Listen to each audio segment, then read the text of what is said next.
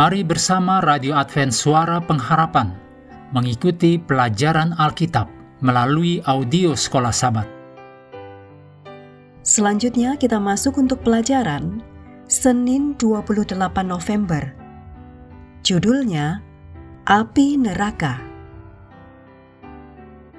Mari kita mulai dengan doa singkat yang didasarkan dari Matius 10 ayat 28 dan janganlah kamu takut kepada mereka yang dapat membunuh tubuh, tetapi yang tidak berkuasa membunuh jiwa. Takutlah terutama kepada Dia yang berkuasa membinasakan baik jiwa maupun tubuh di dalam neraka. Amin.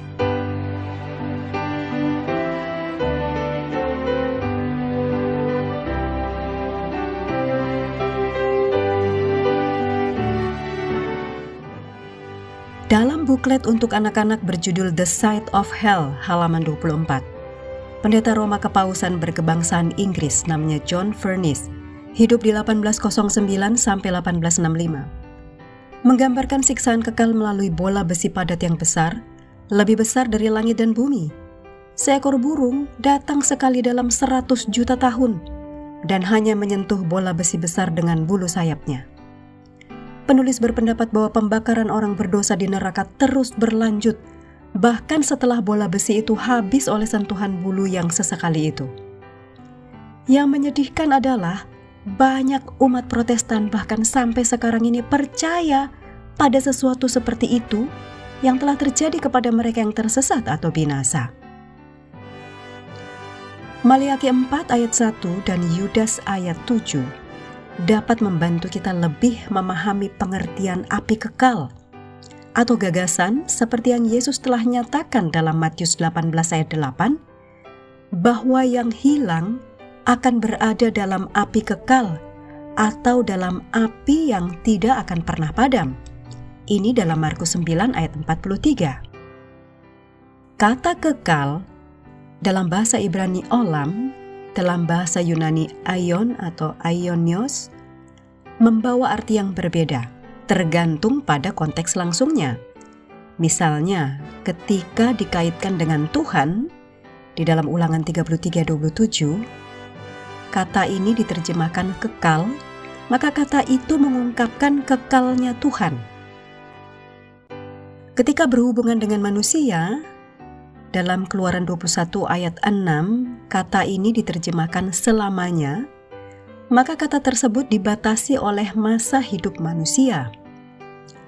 Api dalam Matius 18 ayat 8, juga Matius 25 ayat 41, kata ini juga diterjemahkan kekal, ini menyiratkan bahwa api tidak akan padam sampai benar-benar menghabiskan apa yang sedang dibakar.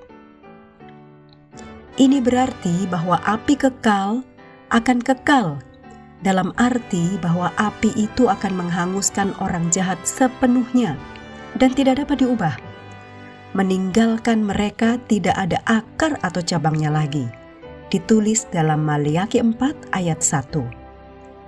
Teori tentang hukuman kekal bagi orang fasik memiliki maksud yang serius. Jika orang jahat dihukum selamanya, maka kejahatan tidak akan pernah diberantas. Juga, semua kehidupan manusia berasal dari Allah.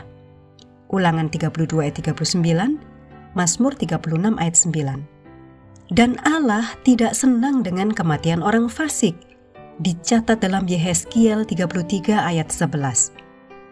Lalu mengapa Allah terus memberikan kehidupan kepada orang jahat agar menderita dalam siksaan yang tak berkesudahan? Bukankah lebih masuk akal jika Allah hanya mengakhiri keberadaan orang jahat? Wahyu 20 ayat 12 menuliskan, orang jahat akan dihukum menurut perbuatan mereka. Semua referensi Alkitab tentang api kekal harus dilihat sebagai kiasan untuk lautan api pasca atau setelah seribu tahun yang dituliskan dalam Wahyu 20.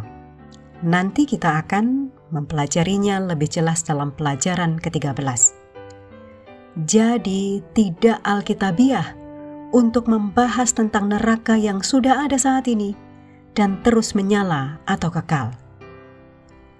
betapapun malangnya api neraka. Kebenaran tentang neraka mengungkapkan kepada kita tentang kasih Tuhan. Secara khusus ini sangat bertolak belakang dengan anggapan tentang siksaan kekal. Mengakhiri pelajaran hari ini, mari kita kembali ke ayat hafalan kita. Ujilah segala sesuatu dan peganglah yang baik. 1 Tesalonika 5 ayat 21 Hendaklah kita terus tekun mengambil waktu bersekutu dengan Tuhan setiap hari bersama dengan seluruh anggota keluarga, baik melalui renungan harian, pelajaran sekolah sahabat, juga bacaan Alkitab sedunia percayalah kepada nabi-nabinya yang untuk hari ini melanjutkan dari Dua Raja-Raja pasal 6. Tuhan memberkati kita semua.